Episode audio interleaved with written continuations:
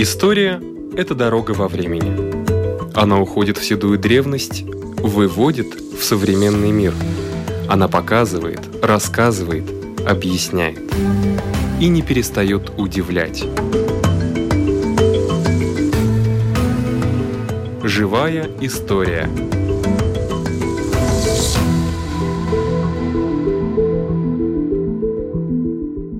У микрофона Лидия Чера.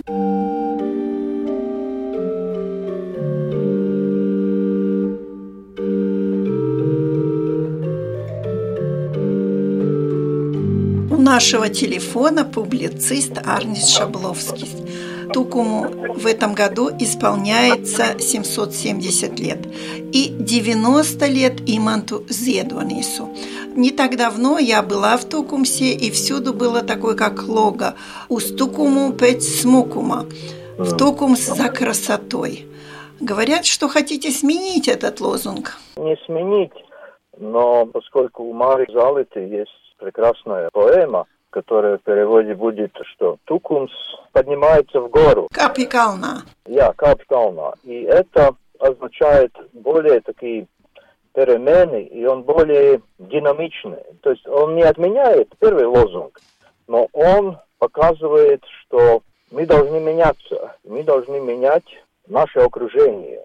То и было, по сути дела, таким кредо иманту Зедонису тоже что мы, меняя себя духовно, работая над собой, мы меняем окружение вокруг нас. Иман Зедонис со своей копной седых волос у всех остался в памяти. Но Тукумс как раз город его молодости, не знаю, как у Марзалита, но у Иманта Зедониса связь с Тукумсом очень большая, особенно если почитать его воспоминания о Тукумсе, как он впервые влюбился, как он любил подраться с местным населением. Расскажите о нем, какая связь? Можно сказать, что Тукумсе он получил основы своей личности.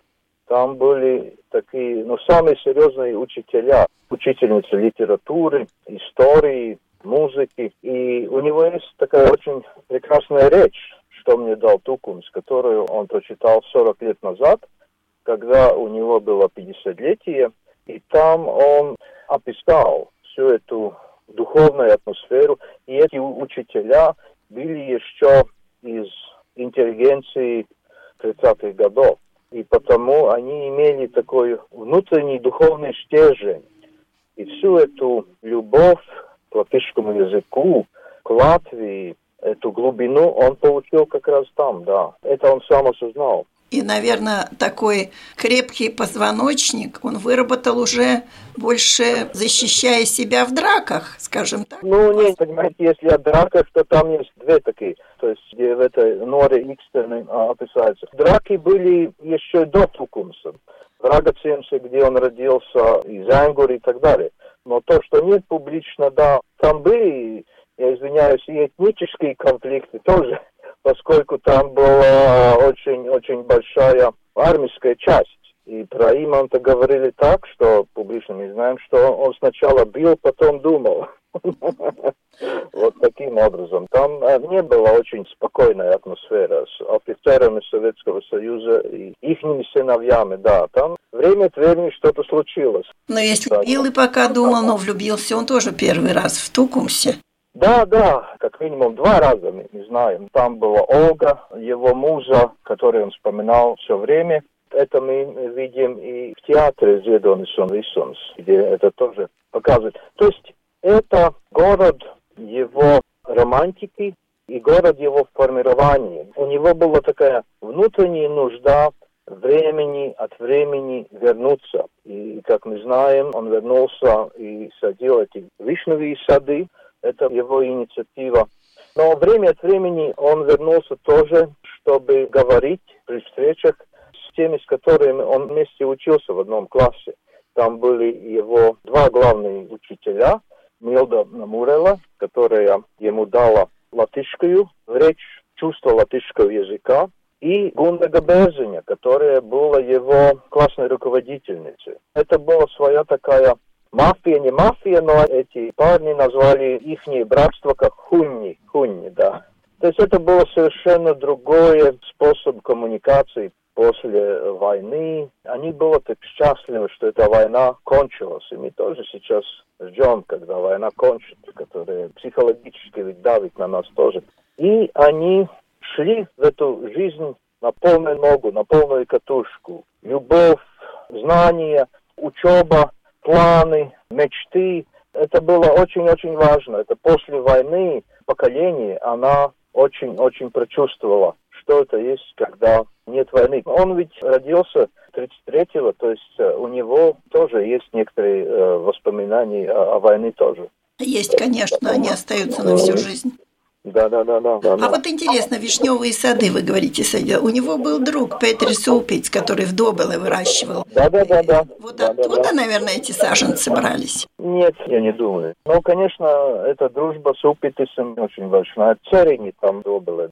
Но, да, Упитис очень большая, большое Влияние тоже на него. влияние на него, да. Но это было после эти вишни, этот город в цветах, это было еще до того, как он там встретился с Упитисом.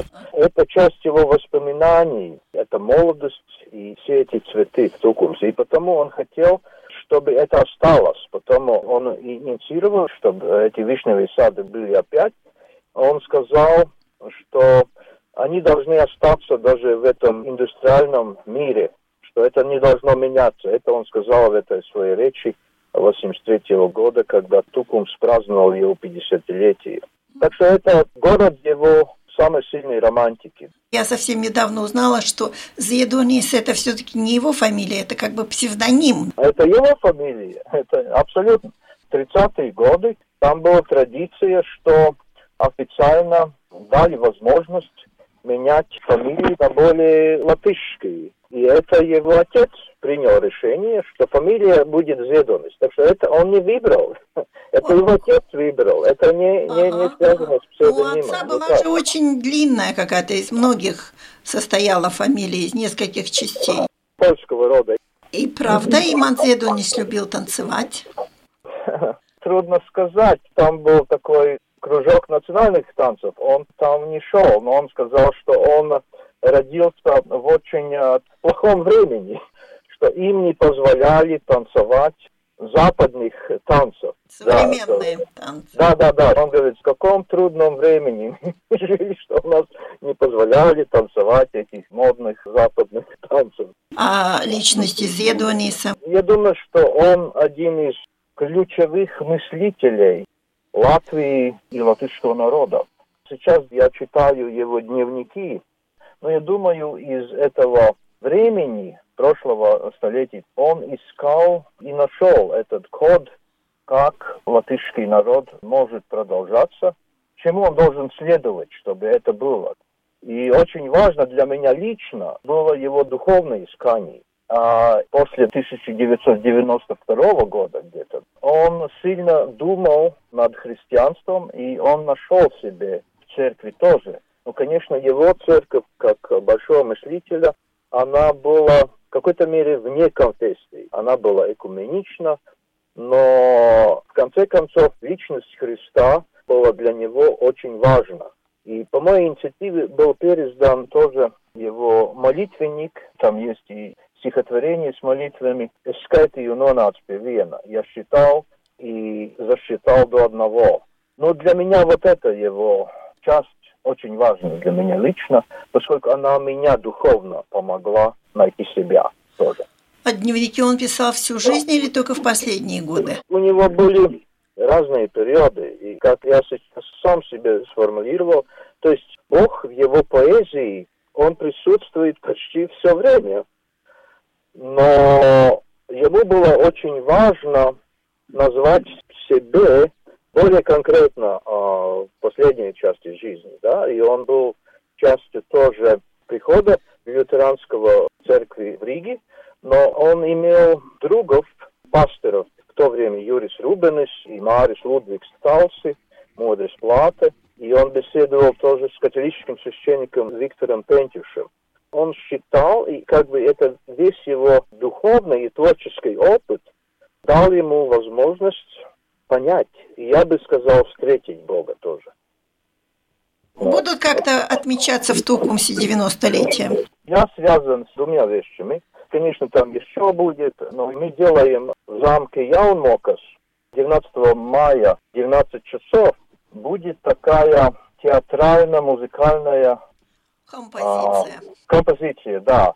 И где будет Каспар Знотинш, и как Зедонис тоже, поскольку он сыграл да, великолепно. Он его, да. И он будет беседовать с Мари Залытой и с Нори Икстеной, поскольку они оба сделали прекрасные книги а, встречи с Имантом. У Мари была встреча в кафе, книга называется «Это мы не знаем», и у Нори Икстены ненотeiktā bija.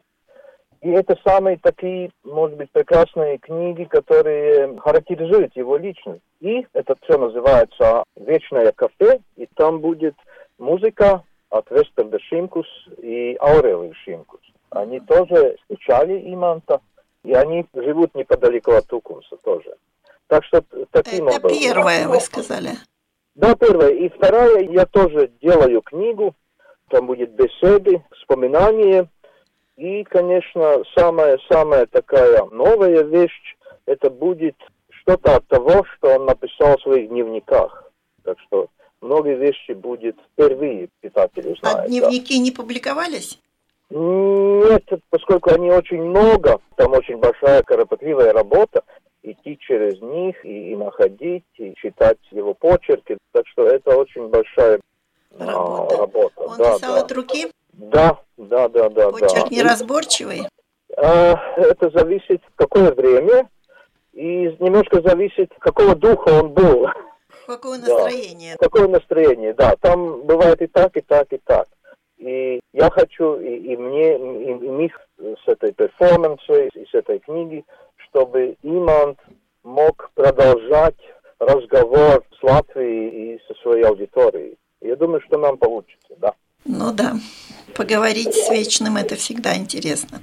Да, да. Спасибо да. большое. У нашего микрофона, то есть у нашего телефона, был публицист Арнис Шабловский. Удачи вам. Вам тоже спасибо большое.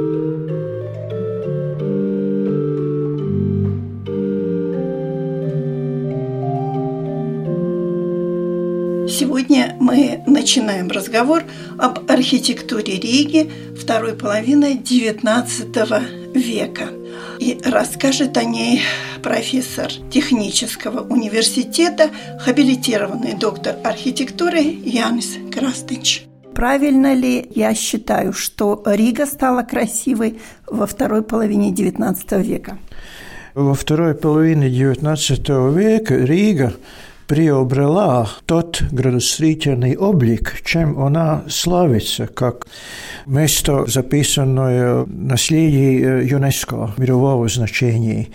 То есть в середине XIX века Рига снесла укрепление, которое в тогдашнем русском языке называлось крепостными верками. Это земляные валы, насыпанные бастионы и равелины, которые окружили старый город и стали в это время уже помеха свободного развития города, поскольку каждый вечер три из существующих ворот были закрыты, вокруг канавах водой, которая не протекала, она состояла, там гнила, распространение разных инфекционных болезней и так далее. Более того, в окружающих предместьях эту территорию, которая теперь начинается с улицы Элизабет. Между Элизабет и дальше до Таллина и далее это были предместья, в которых было разрешено по русским правилам строить только малоэтажные, то есть не выше двух этажей, деревянные дома, которые в случае необходимости войны должны были быть сожжены. Как раз это и случилось во время наполеоновских войн в 812 году, как все знают из истории, они были полностью сожжены. И это военное правило сохранилось до середины 19 века. В конце концов, в 1856 году рижане получили разрешение снести эти крепостные валы и незамедленно Рижской городской архитектор Йохан Даниэл Фелско вместе со своим коллегой, молодым архитектором Отто Дице, выработали план трансформации центральной части, то есть вокруг старого города, рядом с которым тогда еще существующая цитадель должна была быть сохранена.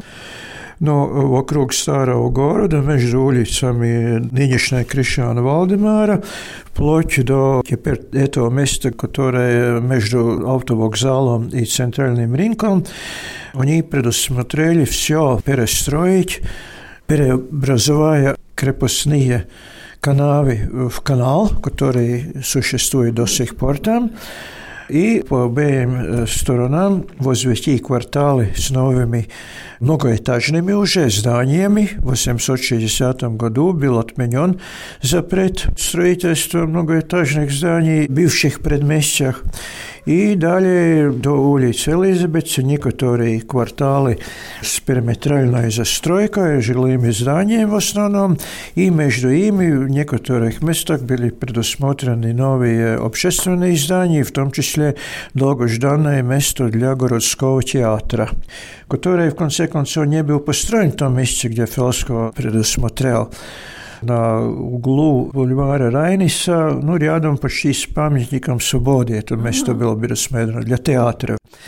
Но этот проект, хотя он был утвержден самим царем России, рижане уже приступили к работам, вдруг сообщили с Петербурга, что этот проект должен быть переработан, и до сих пор еще вспомню, вот в архиве сохранился этот оригинальный проект с э, собственно ручной надписью русским царем Александром. И в этом решении, которое получили рижане, написано «Высочайшее повеление последовало лишь из-за того, что не имелось другого плана, на котором были показаны бы собственно крепостные верки. То есть это не действительно, проект должен быть переработан, но дело было в чем? что вместе с проектом была тоже смета, которая предусмотрела, что все это строительные работы потребуют 600 тысяч рублей, которые было довольно много, большая сумма, большая сумма, да. Ну, это надо было уменьшать. И вообще это очень типичная русская традиция, всегда существовала.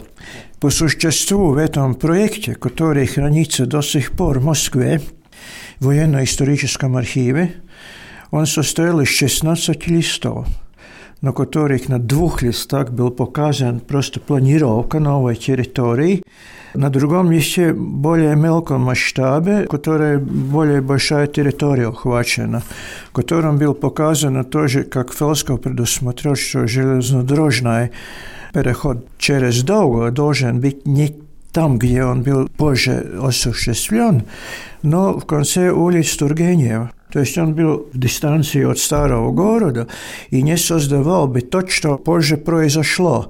Сделали новый насыпь, когда построили железный мост и вместе срытых крепостных валов сделали заново насыпь, который перерезал пространство между старым городом и так называемым московским предместьем, от которого последовало все эти неудобства и то, что он более, ну так сказать, неразвитая часть Риги, Московский форштадт оказался. Это было отступление от первоначальной идеи. Но в этом проекте Фолской Диce 10 листов занимали архитектурные очень точные обмеры самой крепости со всеми поперечными разрезами в разных местах. Очень точно это все было сделано.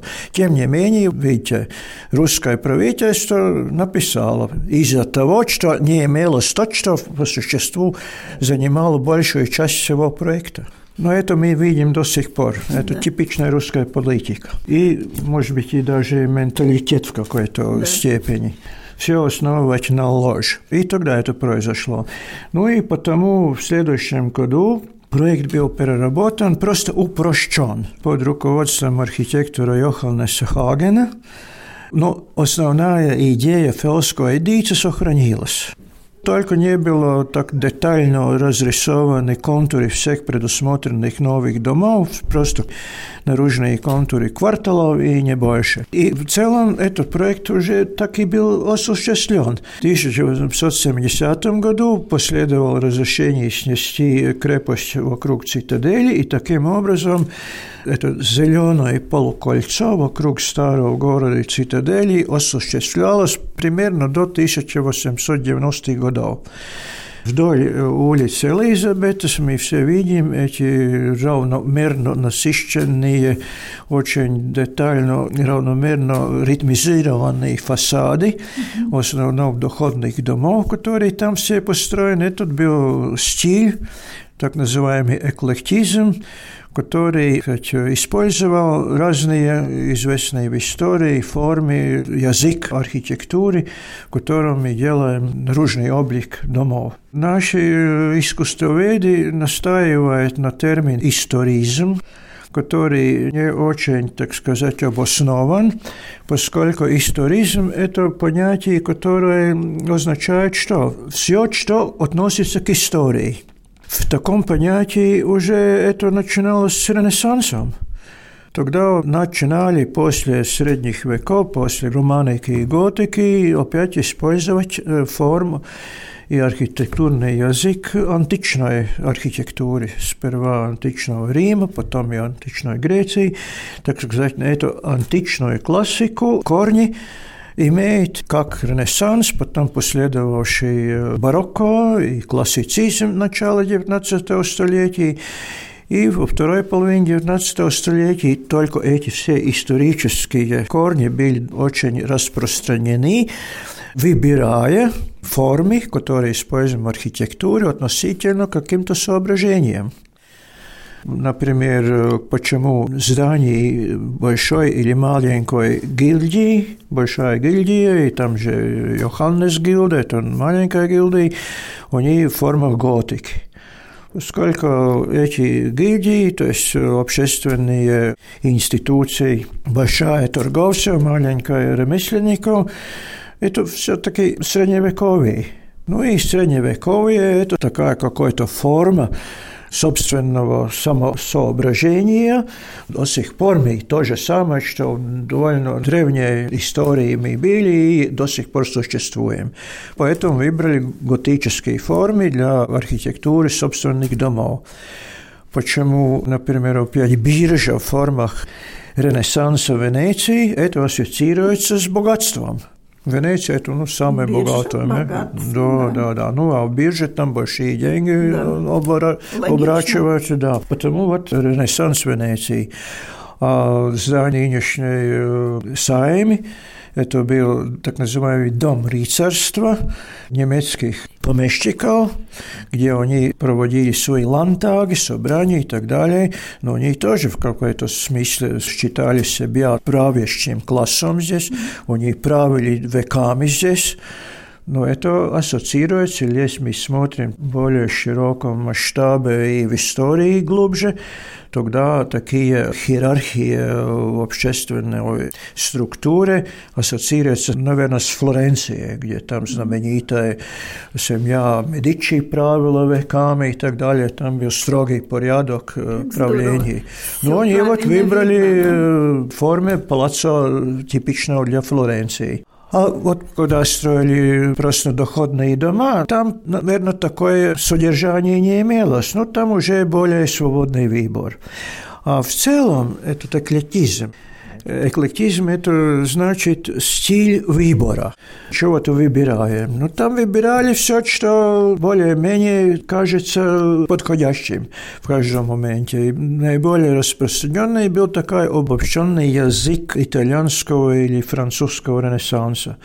Это равномерно ритмизированные фасады, очень насыщенные архитектурными деталями отделки – которые, ну, ну да, мы видим, да, вся улица Меркеля такая, и вдоль улицы Элизабетас. Дальше уже это все было построено последнее десятилетие 19 столетия. Но дальше уже между улицей Элизабетас и примерно Таллинас и дальше, mm-hmm Там застройка в основном состоялась в начале 20-го столетия. Это уже был следующий период, это был расцвет так называемый стиля модерн по-русски, или теперь даже на русском языке как-то начинают употреблять термин «ар nouveau», который англичане этот французский термин используют для который мы по-латышски называем югенстил, который идет из немецкого языка. Это одно и то же самое. Тот югенстил, э, стиль модерн, ну, этим Рига славится, и это основная ценность, э, из-за которой вся эта территория записана э, в списке культурных памятников ЮНЕСКО. И параллельно все это стилистики еще в XIX столетии. Некоторые здания мы видим такие довольно сдержанные фасады лишь э, в кирпиче. Известен так называемый кирпичный стиль, такой термин, который в основном больше использовали при постройке разных хозяйственных построек mm-hmm. и промышленных построек, потому все фабрики, и мы видим этот ансамбль, который за центральным рынком до сих пор существует, так называемые красные амбары, или немецкое слово «шпейхер», на латышском тоже говорят «саркanie спичери», по-русски это будут э, «красные амбары».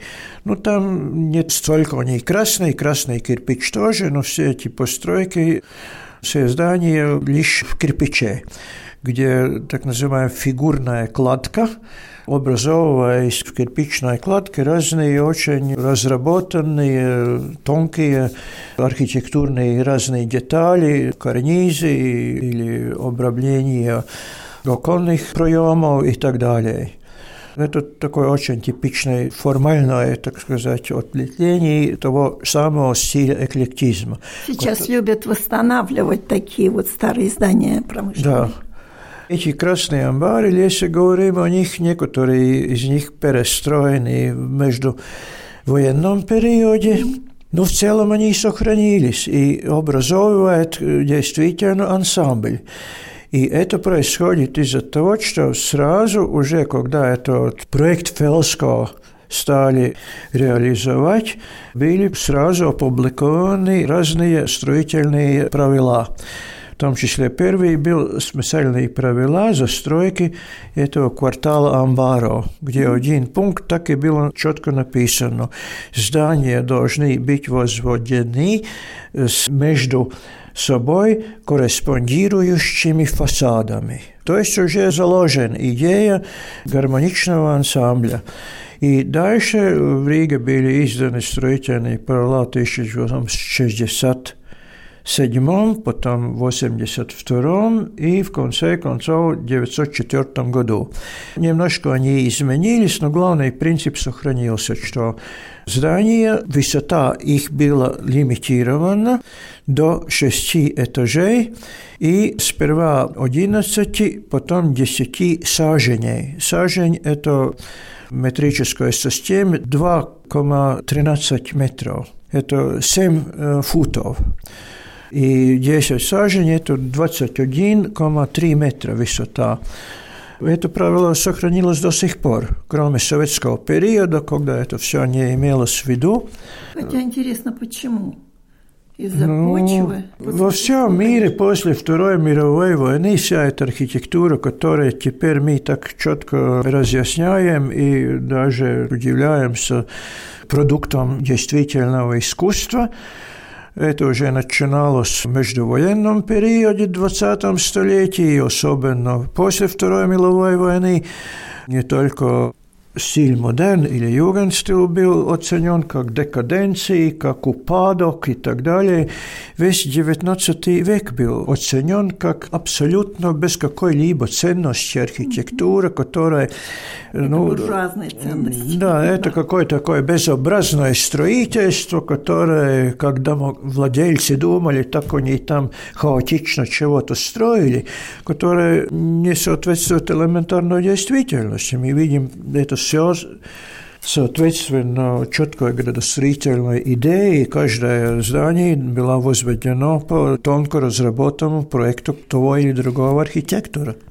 И поэтому это было во всем мире такое, так сказать, отрицание этого наследия, в котором общее внимание было обращено лишь начиная с конца 70-х годов. Это во всем мире так чувствуется. И примерно в 1900 в 80 году, ну, когда я тоже опубликовал свою первую книжку по э, югенстилу Риги, тогда уже во всем мире начинали обратить внимание, что это действительно очень ценный стиль, который оставил высококачественный памятник архитектуры.